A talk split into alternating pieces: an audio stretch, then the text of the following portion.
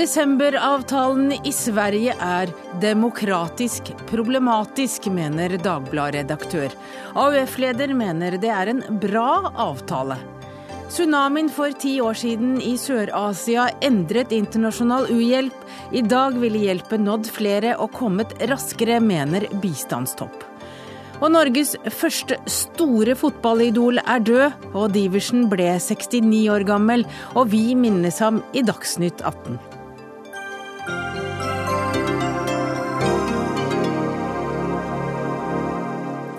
Velkommen til sending fra Dagsnytt 18-redaksjonen. Jeg heter Hege Holm. Og vi rekker også å feire de første turbulente 50 årene av Pax forlags historie. Men aller først i denne sendingen skal vi snakke om luftfart og flysikkerhet. Fortsatt vet ingen sikkert hva som har skjedd med Air Asia-flyet som forsvant søndag kveld. Flyet har 160 passasjerer om bord. I dag trodde indonesiske redningsmannskaper at det var funnet rester av flyet, men det viste altså seg å være feil. Og Pål Vegard Hagesæter, du har skrevet en bok som bl.a. handler om flysikkerhet. Du er journalist i Aftenposten, og ingen vet hva som har skjedd i dag, men, men hvilke muligheter er det? Nei, det vil ikke jeg spekulere i her nå. Eh, det, kan, det er altfor tidlig å eh, snakke om det. Men det som eh, min bok handler om, det er at det er en del utviklingstrekk i flybransjen i dag som kan gå utover sikkerheten. Og det er først og fremst fordi at arbeidsforholdene i bransjen har blitt tøffere de siste årene. En har fått selskaper som presser marginene på ulike måter. De ansatte må jobbe lengre arbeidsdager, færre ansatte som får faste ansettelser osv. Og, så og det kan eh, påvirke sikkerheten. Men Vi vet jo da som kjent ikke hva som har skjedd i dag. og Morten Kjellesvik, du er pilot og du er leder i Flyoperativt forum. Eh, er det farlig å fly? Nei, det er ikke farlig å fly.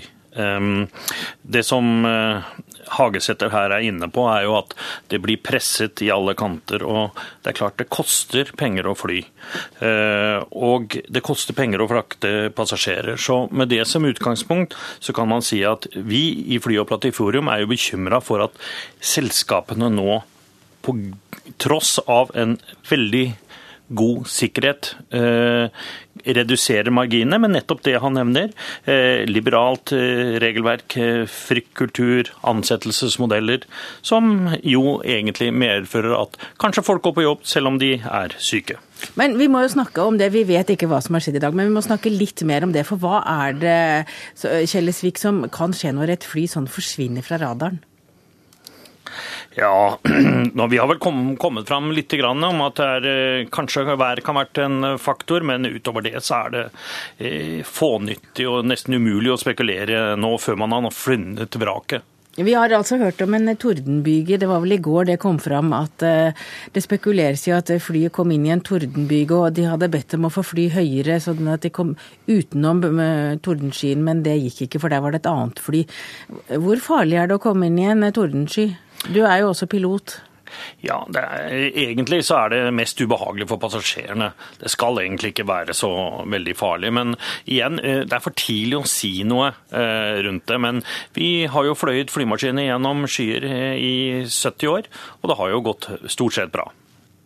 Og eh, Statistikken viser jo at det stort sett går bra. Til eh, nå i år er 762 eh, mennesker omkommet eller har dødd som følge av flyulykker. Hvis vi bare skal sammenligne med veitrafikken, så dør det altså 1,3 millioner mennesker hvert år, og det er veldig økende. Men når man fokuserer såpass mye på flysikkerhet som vi gjør Hvorfor er, blir det det? Er det fordi eh, ansatte presser på for å få bedre arbeidsforhold og dermed gjør, eh, skaper tvil rundt uh, sikkerheten, Hagesæter?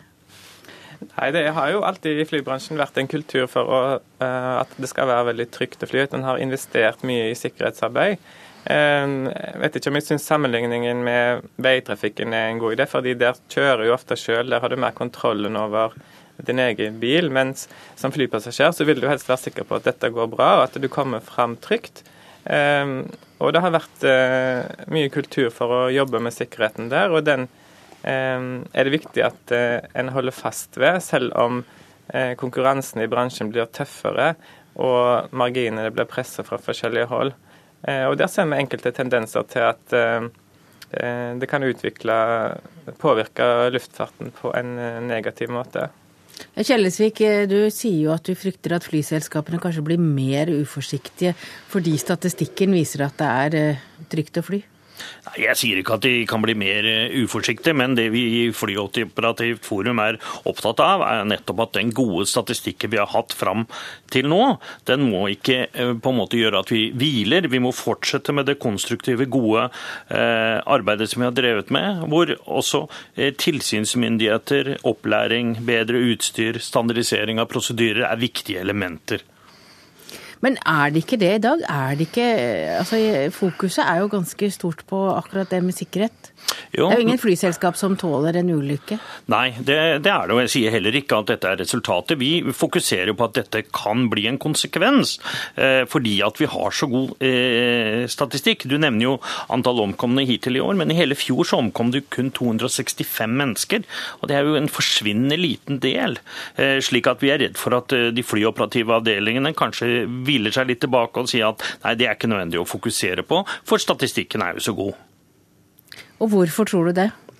Nei, altså Er det fordi de skal spare penger? Ja, altså penger er jo dette her. Og, og Hagesæter skriver jo i sin bok ganske godt om dette. Om betingelser, eh, liberalt eh, regelverk, eh, ansettelsesmodeller. Må man kanskje ikke få lønn hvis man ikke er på jobb, så går man på jobb når man er syke. Og, og dette er gode eh, poeng han har i, i forhold til å drive en sikkerhet og en kultur videre.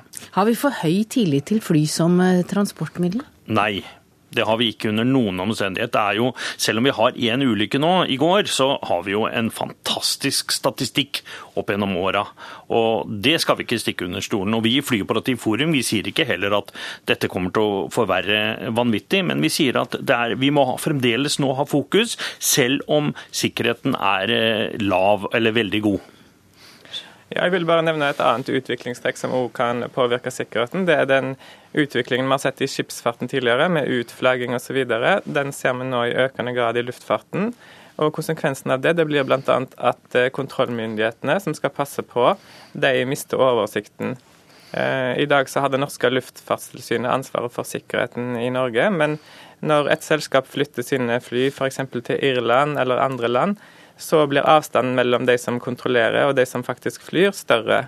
Eh, og Spør du f.eks. det norske luftfartstilsynet i dag, eh, skjer det oftere enn før at piloter sovner på jobb fordi de er utmatta, så har ikke de noen god statistikk som kan eh, opplyse om utviklingen der.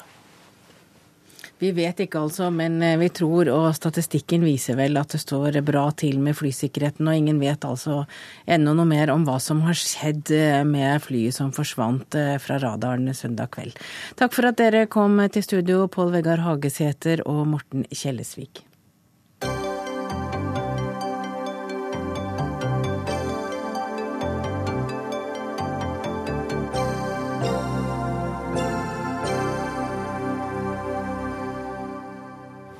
Da skal vi til Hellas, for statsministeren i Hellas, Antonis Samaras, har i dag utlyst nyvalg etter at nasjonalforsamlingen i tredje og siste avstemningsrunde ikke har klart å samle sammen ny president.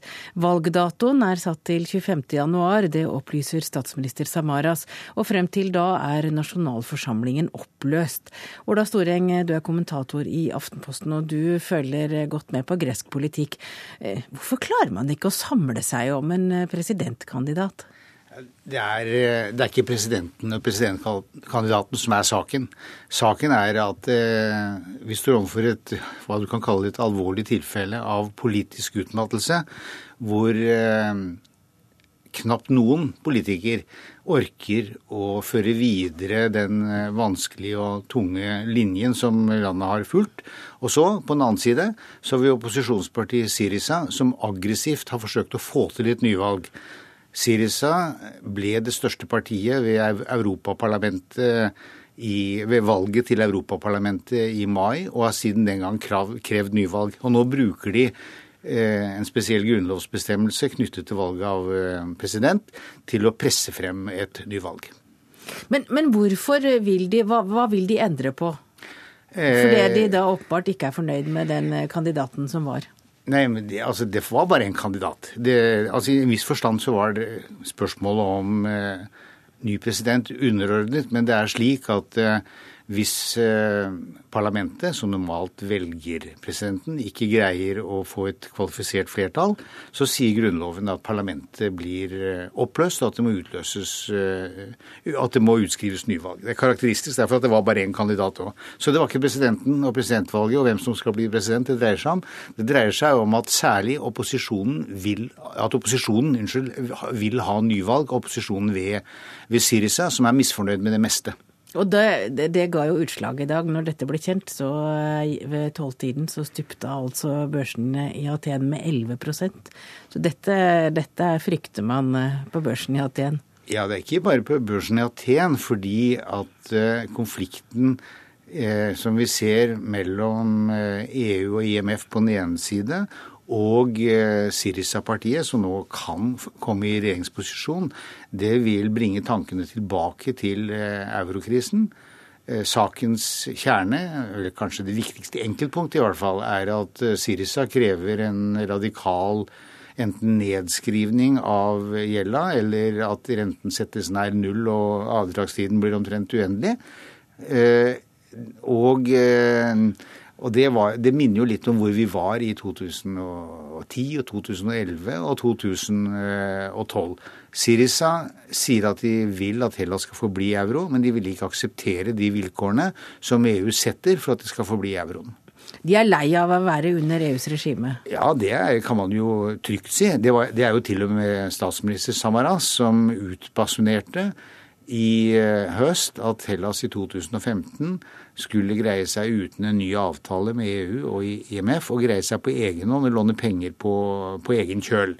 Eh, det var en illusjon, kanskje du kan kalle det en bløff, men også et uttrykk for hvor tungt det er å sitte i regjeringsposisjon, selv for en politiker som har gjort til nærmest sin livsoppgave å holde avtalene med EU og IMF.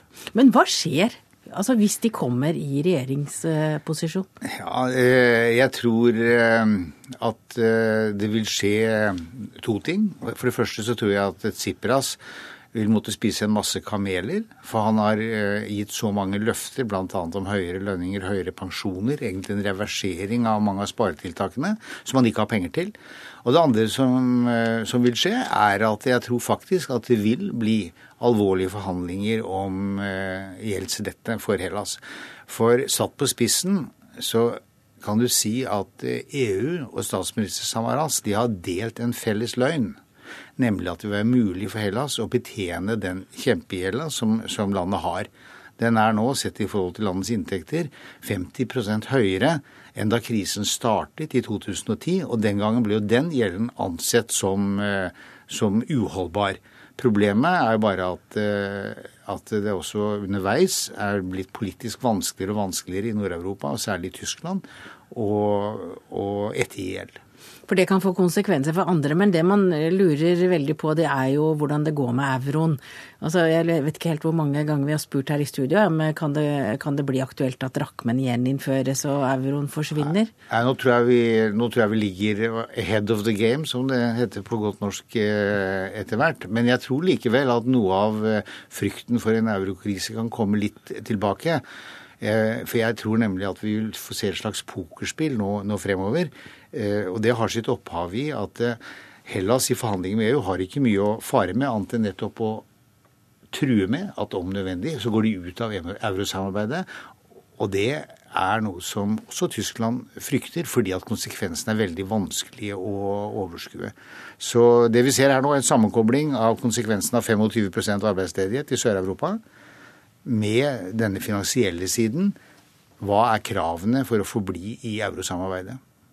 Det kommer vi tilbake til. Takk til deg, Ola Storen, kommentator i Aftenposten.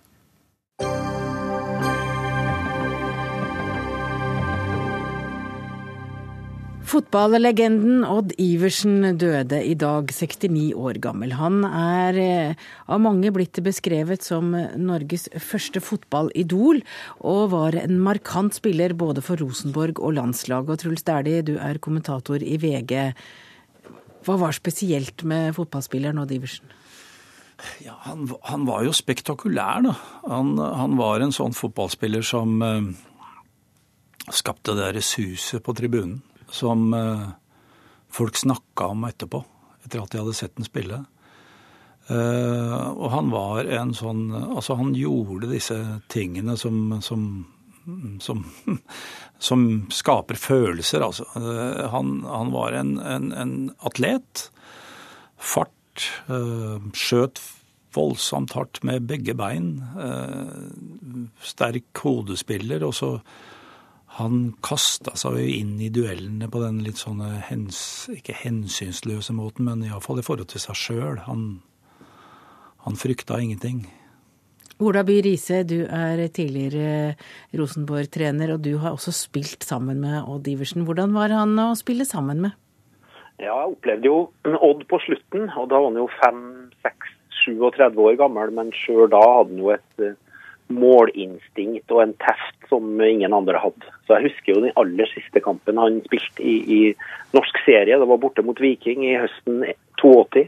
Vi var rundspilt, lå under 1-0, og så kommer Ivers inn fra benken. Pang 1-1. Pang 2-1 til Rosenborg. Så blir det 2-2 til slutt. men da var han en gammel mann og ikke så veldig bevegelig, men målteften var der hele tida. Du har jo i din bok karakterisert han som en rasehest, eh, der de andre spillerne var dølahester. Hvor god eh, var Odd Iversen, hvis du skal sammenligne han med de internasjonale, de beste? Ja, Det er vanskelig å si. Jeg syns Truls har summert opp og veldig fint. Altså, han, han skilte seg ut i sin samtid. Altså, han hadde en råskap. Han hadde et teft. Han hadde en publikumsappell fordi at man så at her var det noe helt spesielt. Og jeg tror jo at hvis Odd har vært litt heldigere med karriereveien sin, så hadde han endt opp i en virkelig storklubb i Europa den gangen i, i tidlig 70-tall, istedenfor å havne i en bakgård i Belgia. Så av og til er, er fotballen nokså tilfeldig, og, og, i Belgia så fikk han også ødelagt mye av knærne sine og, og grunnlaget for å bli den internasjonale toppspilleren som eh, både jeg og mange andre eh, tror han, han kunne ha vært. Otto Ulseth, eh, du er tidligere sportsredaktør i Adresseavisen, og du fulgte Iversen gjennom store deler av karrieren hans. Hvordan vil du beskrive ham? Nei, Jeg er naturligvis enig i alt som er sagt. Enorm fysikk. Og jeg tror som Ola sier at det var tilfeldig eller uflaks, skader, som gjorde at han ikke havna i en i en virkelig storklubb og ble storskårer i, i, en virkelig storklubb. Altså, Det er jo en helt umulig øvelse, men det er en, en umulig øvelse å unngå på en sånn dag som er det her. Og å diskutere hvem som er den beste gjennom alle tider. Men jeg, jeg tror at det, an, det er ganske lett å argumentere for at Odd Iversen er den beste, og råeste og med det største potensialet vi noen gang har hatt. Altså. Ja, er du enig i det, Riise? Ja, jeg syns det er veldig vanskelig å, å, å, rangere fordi at folk er i ulike perioder. Og vi har jo hatt spillere som har hatt veldig fine internasjonale karrierer.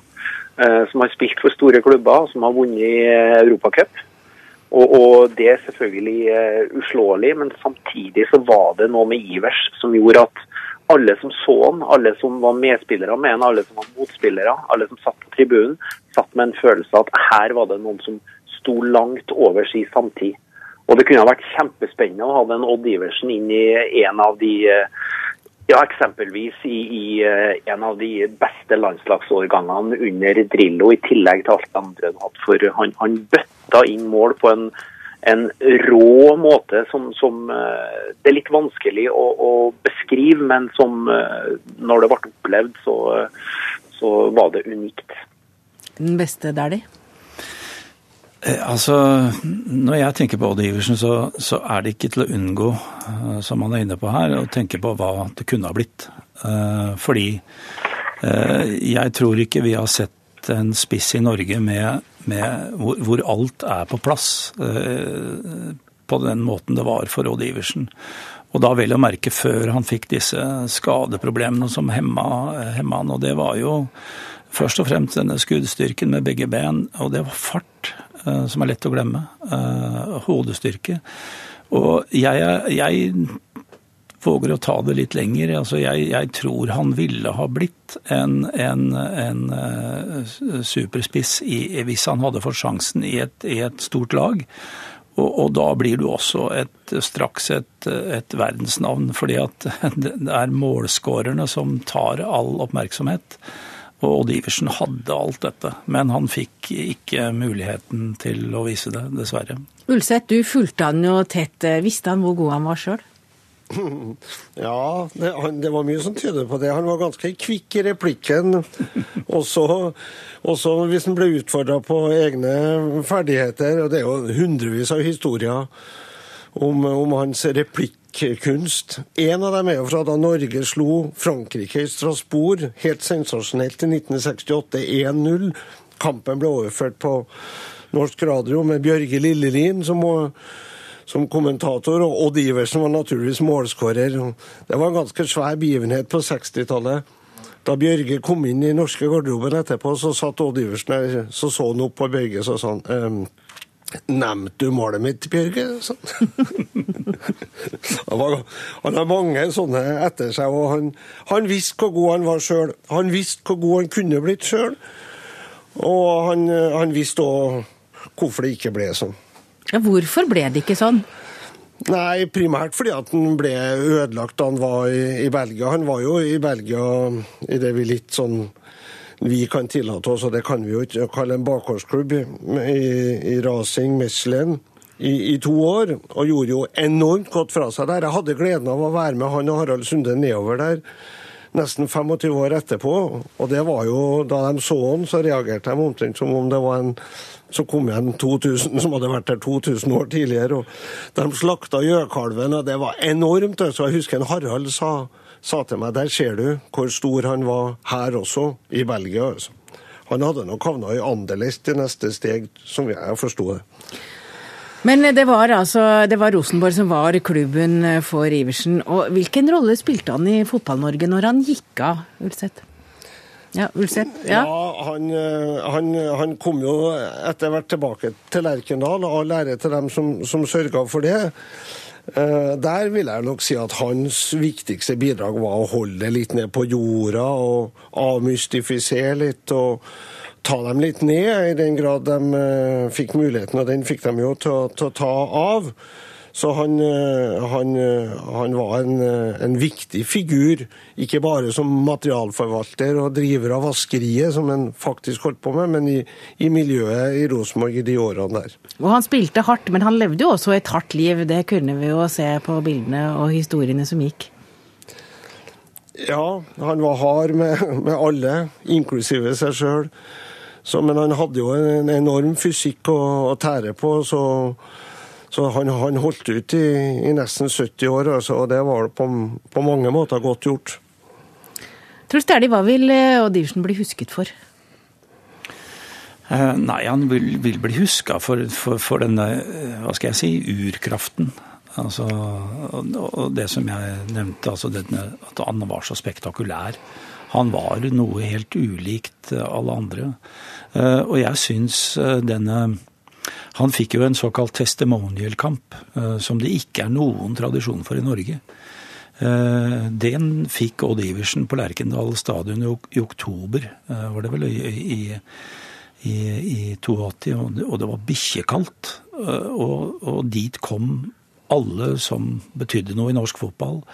Spillere, og, og de kom opp, og det kom 18 000 mennesker, tror jeg det var. Eh, og det var en helt utrolig kveld. Eh, og jeg tror det, den kvelden gjorde veldig inntrykk på Odd Iversen, for da tror jeg han skjønte at han hadde betydd noe. Og det var en avskjedskamp som, som ingen har eh, opplevd maken til, verken før eller senere.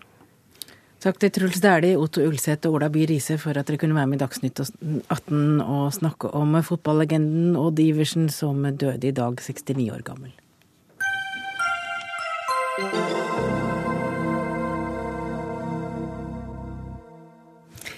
Sverige har fått sin desemberavtale. Lørdag inngikk regjeringen til Stefan Löfven et bredt forlegg med den borgerlige alliansen. Forliket skal sikre styringsdyktige mindretallsregjeringer. Og den regjeringskandidat som samler mest støtte og får gjennom sitt budsjett, skal få gjennom sitt budsjett. Denne avtalen holder altså Sverigedemokraterna på sidelinjen, og skal gjelde helt fram til 2022. Marie Simonsen, du er politisk redaktør i Dagbladet, og du mener at denne avtalen er eh, demokratisk problematisk. Hvorfor det? Det er jo altså det vi Vi har litt sånn nærmest et kriseforlik som er blitt inngått her i, her i julen i Sverige, til tross for at uh, Sverige har en regjering og har et budsjett, så det er jo ikke fullstendig krise der. Men det er altså de to blokkene som har inngått en avtale seg imellom, nærmest inngått en våpenhvile som stenger Sverigedemokraterna ute. Eh, I tillegg så binder den jo opp, eh, binder den jo opp partiene i Riksdagen, som også kan, man kan spørre om er veldig demokratisk. Altså Man har en, i hvert fall en, eh, nærmest en unntakstilstand når det gjelder den parlamentariske situasjonen. Og Dette gjelder jo da budsjettet, men som alle vet, så er det er det jo veldig mye makt som ligger i budsjettet. Så dermed så er jo, er jo Riksdagen på mange måter bundet opp de neste åtte årene. Ikke at jeg tror at denne avtalen kommer til å vare så lenge. Men hvorfor er det udemokratisk når man er blitt enige om det? Fordi at eh, det er en slags man kan si, Jeg har sett at enkelte har sammenlignet det med, med, avtalen vi har her i Norge mellom regjeringen og Venstre og KrF. Det kan jo ikke sammenlignes, for dette er jo partier som har inngått politisk samarbeid. Men disse to blokkene er jo overhodet ikke enige politisk. De er jo tvert imot uh, bitre fiender som står på hver sin side. De har, uh, de har inngått denne avtalen med uh, først og fremst for å skape en styringsdyktig regjering, selvfølgelig, men, men også med en klart formål om å stenge Sverigedemokraterna ute. Manu Hussaini, du er leder i AUF. Eh, du syns ikke dette er en demokratisk problematisk avtale. Hva syns du om den? Nei, altså jeg syns det er eh, mer demok et mer demokratisk problem at man eh, ikke har en styringsdyktig regjering eh, som, som, kan ha et budsjett å jobbe ut ifra, og at man har et parti på 13% som skal diktere hvordan resten av dette parlamentet skal, skal, forholde seg til den politiske hverdagen. Så jeg mener det er bra for eh, svenske staten at man har fått på plass en avtale som sikrer styringsdyktig regjering. Eh, og, og, forutsigbarhet i den politiske hverdagen, som trengs for å levere gode løsninger, gode eh, tilbud og, og, tjenester til folket hver eneste dag. Men eh, Altså det, dette er en avtale som for det første så kunne man, hvis man eh, virkelig mente at det er en krise, det kan man jo også diskutere. Altså Som sagt, de har en regjering og de har et budsjett.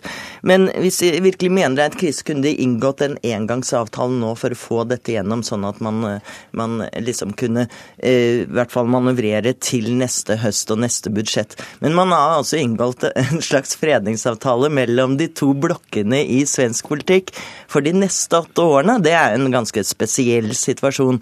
Eh, det man gjør, er jo på mange måter da å forsterke blokk, eh, blokkpolitikken. Eh, og det er jo også de som sier at Löfven har vunnet mest på dette her. Men, men, man kan se det også som en, en, en, liten seier for den borgerlige alliansen ved at de nå tvinger Löfven til å samarbeide enda tettere med Venstrepartiet. Han har søkt seg litt mot disse midtenvelgerne. Eh, og at man skaper et enda større skille mellom de to, to blokkene til neste valg. Er det derfor du liker avtalen, fordi det er Löfven som eh, sitter i førersetet, og at det er en sosialdemokratisk statsminister? Så det jeg liker med avtalen, det sikrer at en sosialdemokratisk eh, eh valgt statsminister skal slippe å styre etter borgerlig, et borgerlig budsjett. For det var jo det som var tilfellet, og det var det som holdt på å skje nå. Men han må gjøre det nå det første året. Eh, det er det blå budsjettet som, eh, som gjelder. Han kan endre litt eh, i revidert, men, men han får ikke gjort noe før ja. til neste høst. Og Det er nettopp det som er udemokratisk. da, fordi Folk valgte jo bort den borgerlige alliansen. De ville ikke ha mer borgerlig politikk, og valgte da Sosialdemokratene, eller i hvert fall den blokken som er størst tilslutning i parlamentet. Da mener jeg det er urettferdig, eh, eller i hvert fall at det er mer demokratisk problem at man ikke finner en løsning der, fremfor at eh, Sverigedemokraterna nå blir holdt utafor. Altså, det blir holdt utafor, ja. De er ikke med på avtalen, men det er heller ikke Venstrepartiet. Eh, de er heller ikke med på avtalen. Og de er selvstendige opposisjonspartier som kommer sikkert til å skrike høyt når det trengs. Kjetil Raknes, du er lektor ved Markedshøgskolen, og du er forfatter av boka 'Høyrepopulismens hemmeligheter'. Hvordan vil denne avtalen påvirke Sverigedemokratenes oppslutning, for det er jo en avtale gjort for å holde dem utenfor? Altså, all erfaring fra andre land tyder på at uh, de vil tjene på uh, den avtalen som nå uh, er gjort. Altså, dette er et veldig spesielt problem. for det, altså, Dette problemet handler jo om hvordan man skal håndtere et høyrepopulistisk parti. og Det har man valgt ulike løsninger på i ulike land. og Den løsningen som Sverige har valgt, den kaller man jo på fransk cordon sanitaire, som er det samme som man gjør når folk får ebola. altså Man setter de i isolat. og Det eneste andre landet i Europa som har fulgt en lignende linje, det er faktisk i Belgia. Gjort det med Vlams blokk i Belgia. At, og det, det, betyr at du nekter alle former for samarbeid med dette partiet, både på lokalt plan og på nasjonalt plan. Og da er jo tanken altså Du må jo tenke hva er strategien til de svenske politikerne? Tanken er jo at ved å si at uansett, hvis du stemmer på dette partiet, det er en bortkastet stemme, så tenker man da at på sikt så vil disse velgerne da eh, eh, gi seg på disse standpunktene, eller bli hjemmesitter, eller liksom altså du, det, det, er en måte å knuse Sverigedemokraten som parti på.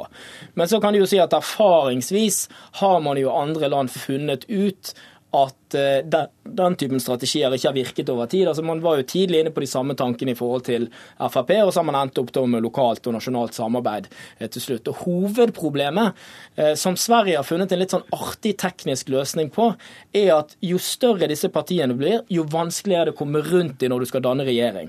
For Moderaterne er det litt sånn som for Høyre i Norge. Hvis de skal ikke gjøre noe med Sverigedemokraterna, så må de enten samarbeide over blokkene ikke sant? De må begynne å samarbeide med sosialdemokratene. Det har de jo ikke noe lyst til. Eller de må være i evig opposisjon.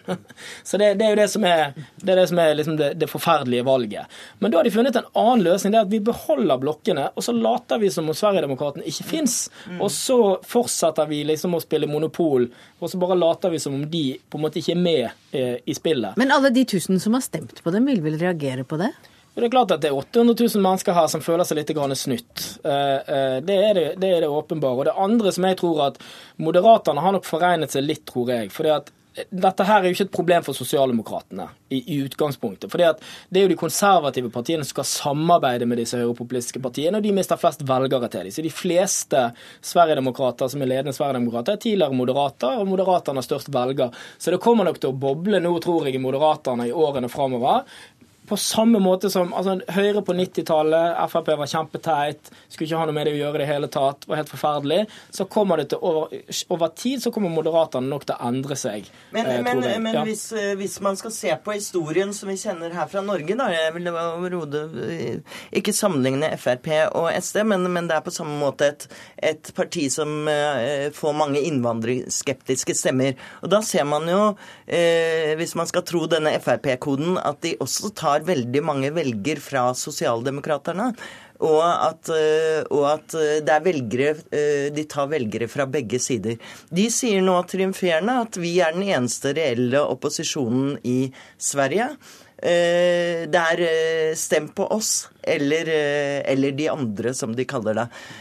Og, og og Det er selvfølgelig en retorikk som, eh, som eh, mange kjøper, og syns at dette bekrefter på en måte at eh, disse velgerne blir betraktet som pariakaster, at de er utenforskapet, at det er de mot det, eh, de etablerte.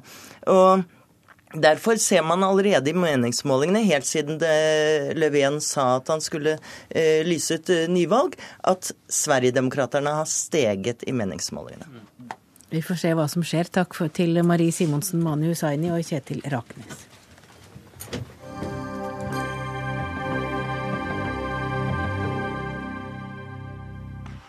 Da skal vi til tsunamien for ti år siden, for eh, den ble et vendepunkt for hvordan nødhjelp organiseres. Eh, på hvilken eh, måte skal vi straks høre fra bistandsorganisasjonen CARE, men først skal vi minne om at tsunamien 26.12.2004 krevde altså minst 228 000 menneskeliv, og over 35 000 av disse omkom på Sri Lanka. Stein Vangen, du er ja, hva skal jeg si, omreisende sjømannsprest. Du ble sendt til Thailand rett etter tsunamien. Eh, hva var det som møtte deg?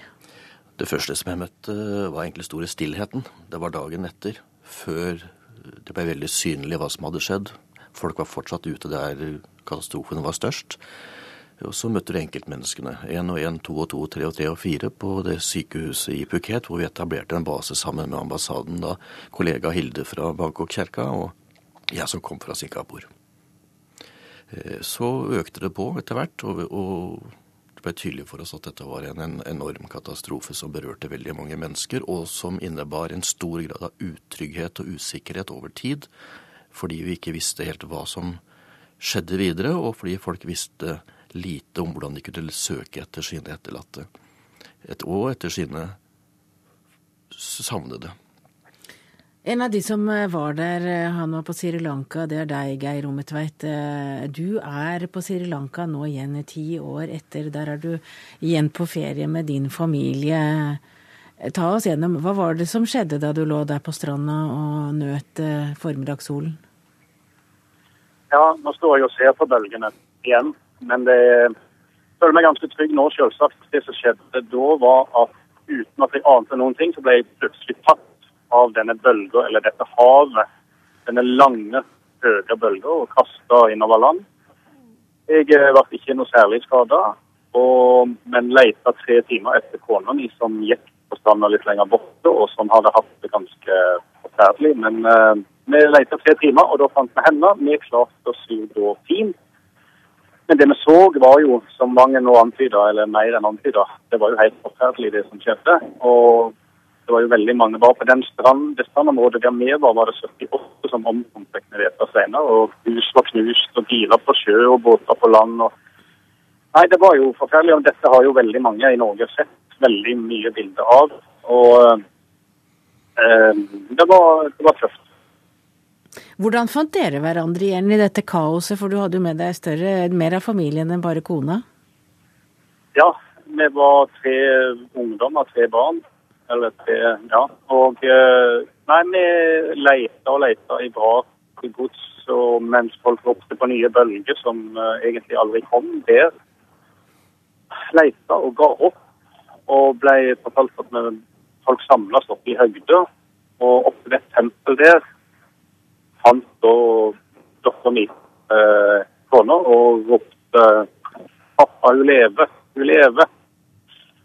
Og det var jo da fantastisk sterkt å kunne oppleve. Men jeg klarte ikke å gi uttrykk for hvor glad jeg var, for det var så forferdelig situasjon. Uh, I ettertid så var det jo helt fantastisk. Vi klarte oss sjøl, og derfor så har det gått så fint for oss. Men det var jo uh, helt brutalt det som skjedde med med folk langs kysten her.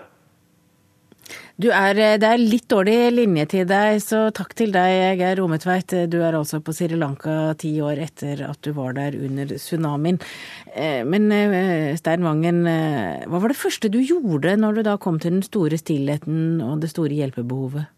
Å trekke pusten, og så tenke at nå var det viktig å, å bevare ro og prøve å hjelpe andre mennesker til å få en viss grad av opplevelse av trygghet og ro når folk har så enorm utrygghet og usikkerhet og så sterke opplevelser som mange hadde.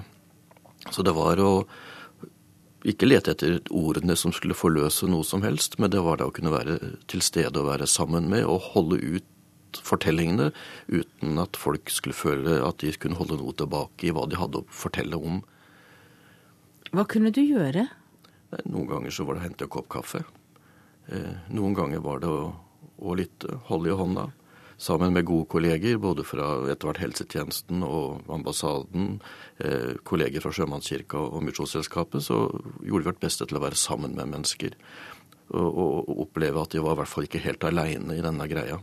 Eh, og det å bevare på en måte en grad av ro og ha enkle seremonier som hadde en inngang og en utgang som ga trygghet, det var viktig for mange mennesker i denne kaosfasen.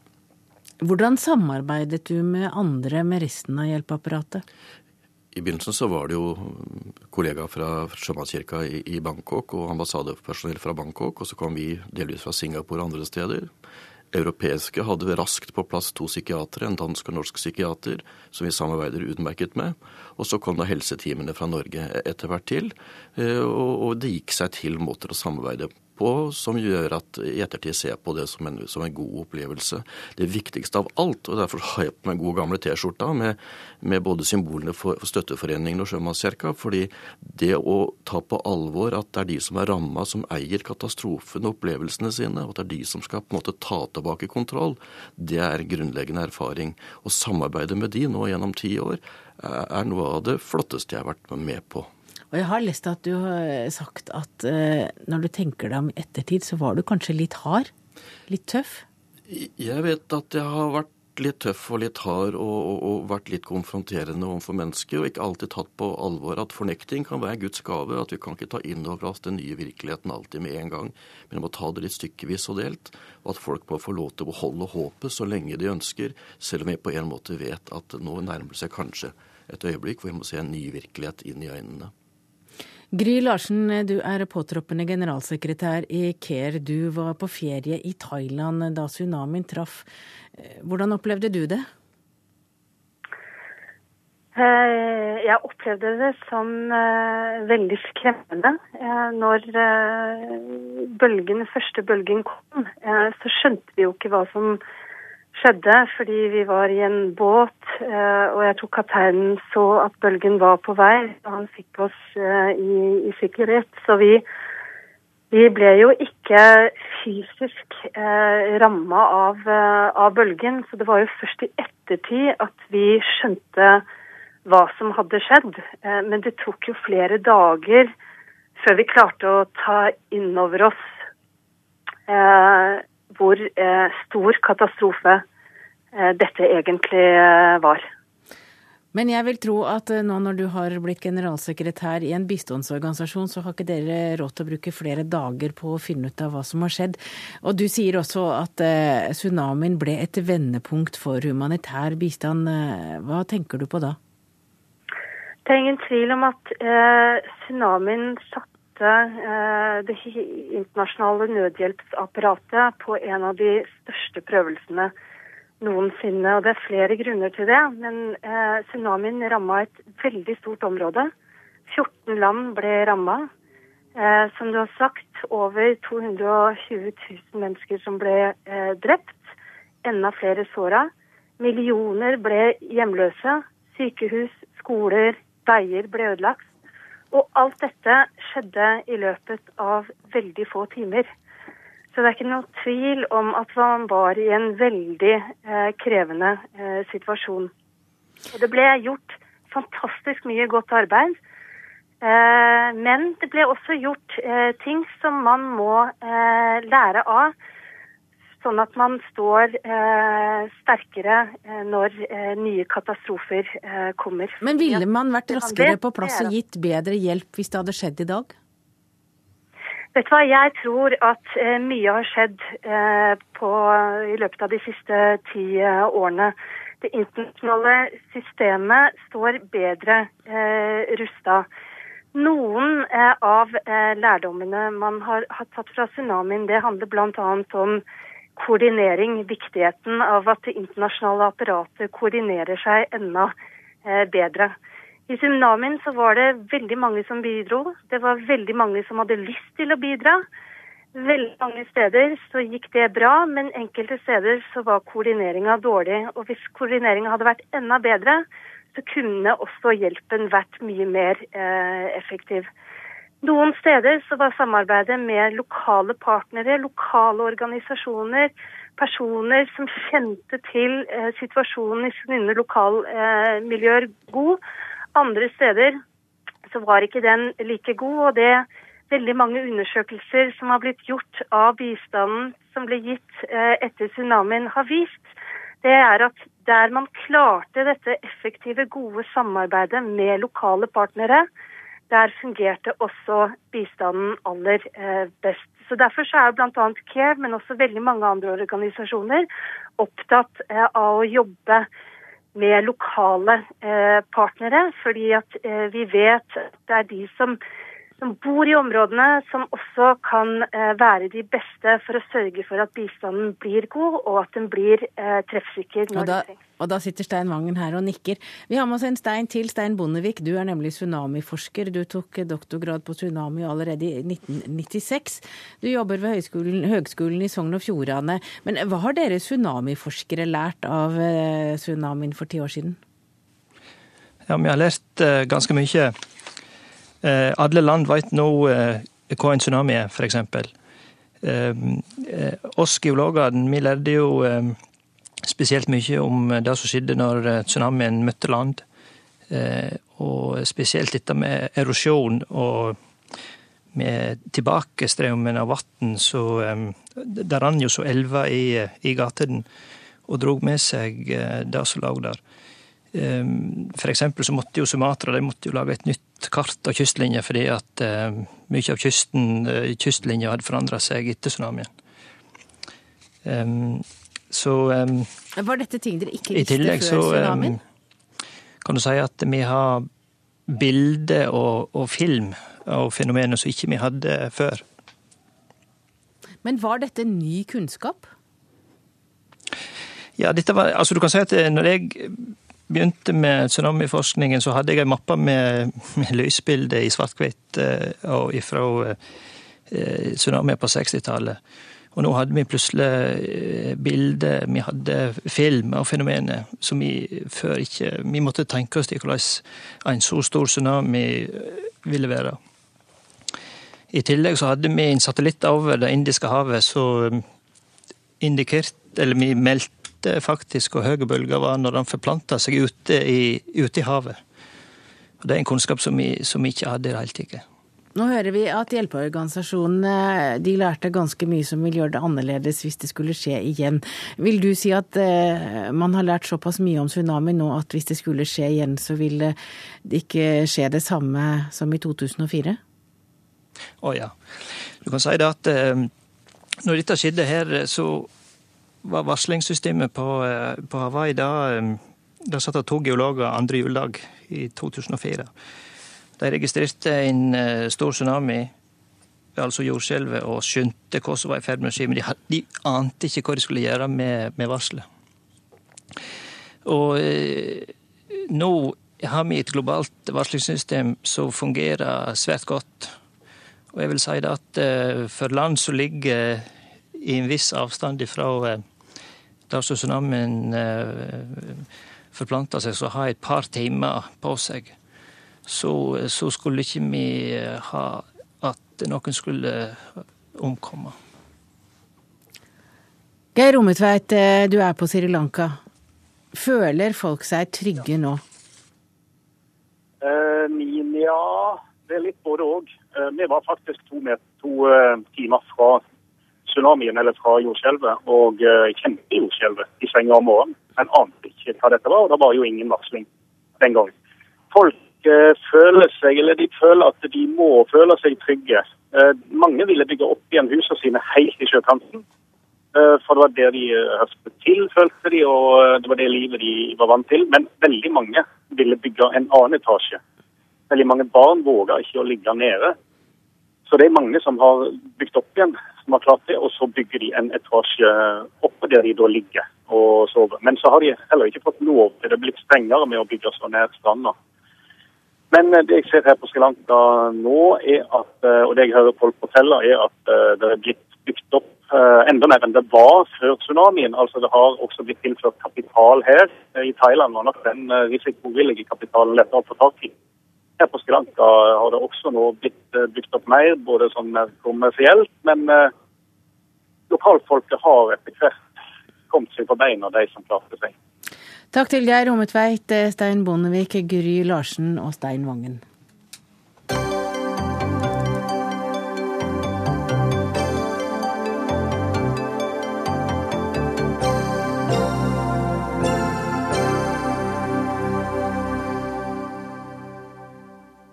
Da skal vi snakke om Pax forlag, som har fått en tung og tykk historiebok. Den handler altså om forlagets liv fra 1964 til 2014. En bedrift heter portrettet av Pax forlag, og forfatteren er deg, Kim Helsvik. Du er historiker. Du har kalt det for en bedrift. Mener du det er en bedrift at et forlag som Pax har klart seg i 50 år? Det er, vel, eh, det er kanskje en underdrivelse å si at det er en bedrift. Det er vel nært innpå et under. Så eh, Nei, altså Men hvorfor det? Um, ja, altså Pax var jo selve forlaget for denne nye venstreradikalismen som kom til å prege, prege det norske samfunnet både politisk og kulturelt sterkt på på 1960- 1960 og 70-tallet. Eh, men dette her er jo da ikke bare en, altså en forlagshistorie, men det er også en, en, en, eh, historie om denne nye radikale venstre, venstre, eller den nye venstreradikalismens vekst og fall, på sett og vis. Så det er jo et under at Pax overlevde Eh, den såkalte høyrebølgen. Og, at ikke den bare skylte vekk hele forlaget på 80-tallet? At ikke den bare skylte vekk hele forlaget, og at man eh, overlevde eh, jappetid osv. på, på 80-tallet. Så Nei da, det er, en, det, er en, det, er en, det er en, bedrift. Men det er også Jeg har skrevet det også mye som en, en bedriftshistorie om et, om et meget, meget, spesielt forlag, også i en, i en større europeisk sammenheng. Men det var jo en gjeng med fredsaktivister som drev et blad som het Pax. Og så var det noen som fikk en idé om at det også kunne bli et forlag. Ja, altså dette... Og så begynte de å tigge penger. Rike onkler. Dette startet med den da 25 år gamle Tor Bjerkman fra Bjølsen i, Bjølsen i Oslo, som, som ja, hadde da en bakgrunn fra folke, folke, folkereisning mot krig. Pasifistisk organisasjon. Men da Pax, altså forlaget heter jo Pax, som da selvfølgelig også da betyr fred, men dette her ble noe langt mer enn et fredsforlag. Helt ifra starten av så, så var visjonen til Tor Bjerkman var at, at, dette forlaget skulle gjøre opprør mot dette denne, ja, det trange debattklimaet, det trange og til dels også liksom veldig sånn inn, innadvendte debattklimaet i Norge. Åpne, åpne opp for nye, nye stemmer og nye tanker. Bjørn Smith Simonsen, du er forlagssjef i Pax, og du har jo en finger med i veldig store deler av norsk forlagsbransje nå. Men, men du er den eh, lengst gjenlevende, holdt jeg på å si. Du er den du har vært med fra midten av 70-tallet. Og du er jo økonom. Hvordan kunne du finne på å kaste deg på dette litt underlige toget, som egentlig besto av mer ideer enn av penger? Jeg kommer fra en eh, familie med sterke boktradisjoner. Vokste opp på fars boktrykkeri. Og eh, ble grepet av miljøbevegelsen midt på 50-tallet. Som eh, brakte meg, iallfall deler av meg, opp på venstresiden. Og så ble jeg veldig jeg ble veldig flattert av at Tor Bjerkman liksom ba meg om å gå inn og bli forretningsfører og liksom en slags leder i dette forlaget. Det, det var nok de tre tingene. Og så kom du inn. Og da opplevde du mye du aldri hadde trodd? Ja, jeg vil si det det var eh, hva skal jeg si starten var? Jeg møtte en kar som bar ut eh, frankeringsmaskinen vår fordi eh, den var blitt betalt i lang tid, ni, ti måneder, med sjekker som det ikke var dekning for. Og postmesteren på, på Skøyen måtte pakke kontoret, og det var en stor skandale. Det neste som skjedde, var at jeg fikk et brev fra en høyesterettsadvokat i Trondheim som hadde fått i oppdrag å innkassere 1,2 millioner fra en bank i Trondheim.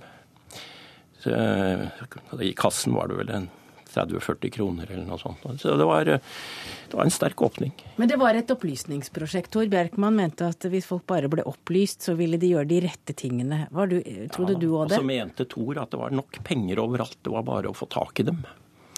Eh, jeg har veldig stor sans for eh, Tor Bjerkmanns opplysningstanke. Og det er det jeg har prøvd å videreføre i Pax. Men hvorfor gikk det ikke så bra?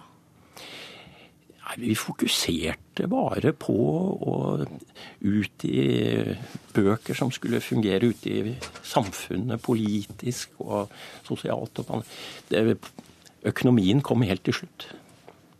Men du var der og hjalp til.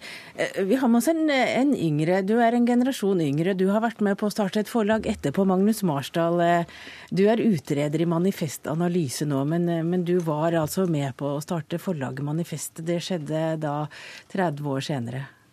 Hva, hva, ja, minst, vil jeg si. Ja, men det var jo på begynnelsen av 2000.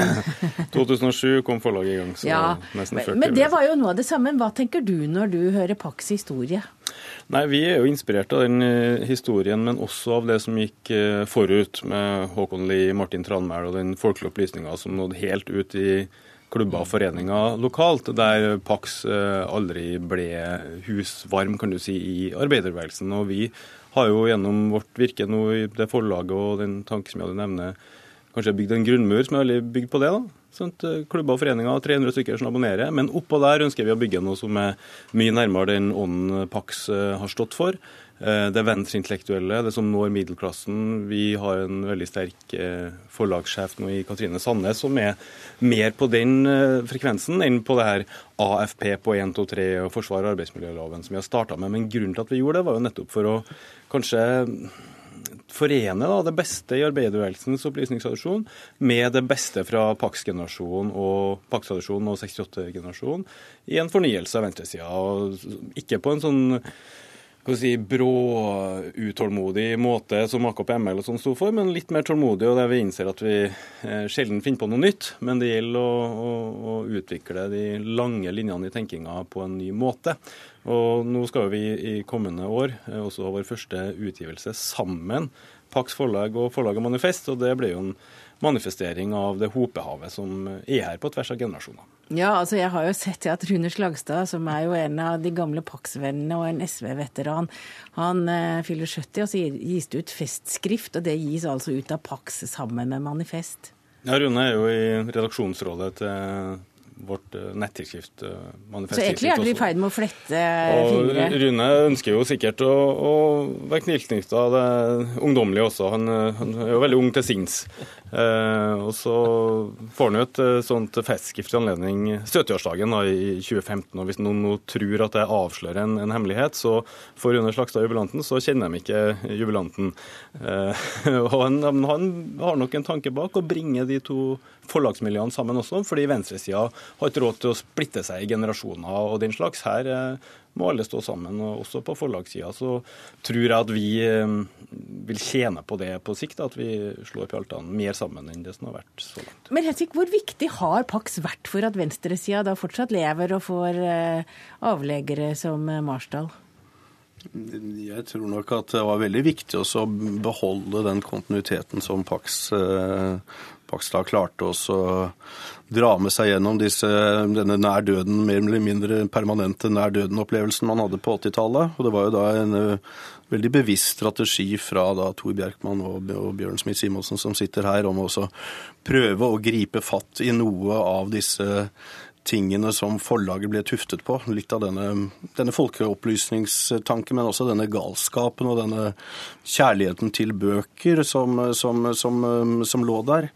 Og jeg tror det er veldig eh, viktig å se da at eh, dette, dette, prosjektet til Tor Bjerkman i utgangspunktet, det var, det var spekket med mye galskap som, som uh, er blitt, blitt, drevet videre på en ganske fornuftig og fin måte. Og jeg ser jo det at Kapitalismen har grepet både Manifest og Pax. Nå gis det ut strikkeoppskrifter på begge forlag. Det ene forlaget der kan du lære å strikke kluter og sokker, men på Manifest der kan du lære å strikke skeive skjerf og rød, ekte røde strømper. Så sånn kan det gå, men eh, lykke til videre, Bjørn Smith Simonsen, forlagssjef i Pax, eh, Magnus Marsdal, utreder i Manifest, og forfatter Kim Helsvik. Denne sendinga fra Dagsnytt 18 er slutt. Ansvarlig var Ralf Hartken, det tekniske sto Finn Liv for. Jeg heter Hege Holm, og jeg ønsker dere en fortsatt god kveld.